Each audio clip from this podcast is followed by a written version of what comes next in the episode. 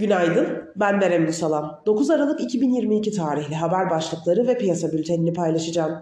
ABD Hazine Bakanı Yalın, Türkiye'nin Kazak petrol taşıyan gemilerden sigorta kanıtı istemesi için herhangi bir gerekçe olmadığını söyledi. ABD'de üretici fiyatlarında ciddi bir yumuşama beklenirken, Çin enflasyon rakamları faiz indirim ve diğer teşvikler için otoritelere alan tanıdı.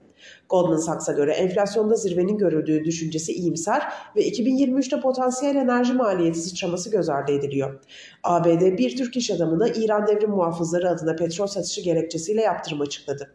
Asya Pasifik hisseleri 6. kez üst üste haftalık kazanca ilerliyor. Piyasalara genel olarak bakacak olursak pay piyasalarında bugün ABD'de üfe enflasyon verisi izlenecek. Borsa İstanbul'da dün tepki alımları gerçekleşse de son iki ayda önemli bir düzeltme gerçekleştirmeden güçlü yükseliş gerçekleştiren endekste kar satışlarının devam edeceğini düşünüyoruz. Ancak enflasyonist ortamda Borsa İstanbul'un şu an TL varlıklar içinde tek alternatif yatırım aracı haline gelmesi ve güçlü yurt içi yatırımcı talebi nedeniyle kar satışları yaşansa da sert geri çekilmelerin orta vade için alım fırsatı olarak kullanılacağını düşünüyoruz. Borsa İstanbul kapanışına göre ABD ve Almanya vadelileri yatay pozitif eğilimle seyrediyor. Asya borsalarında da pozitif bir seyir izleniyor.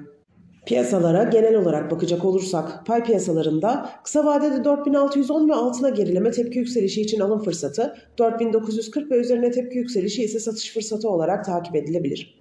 Viyop tarafında ise gün içi long pozisyonlar için 5251, short pozisyonlar için 5341 seviyeleri zarar kes seviyesi olarak izlenebilir. Borsa İstanbul'un ve endeks kontratının güne hafif pozitif eğilimle başlamasını bekliyoruz.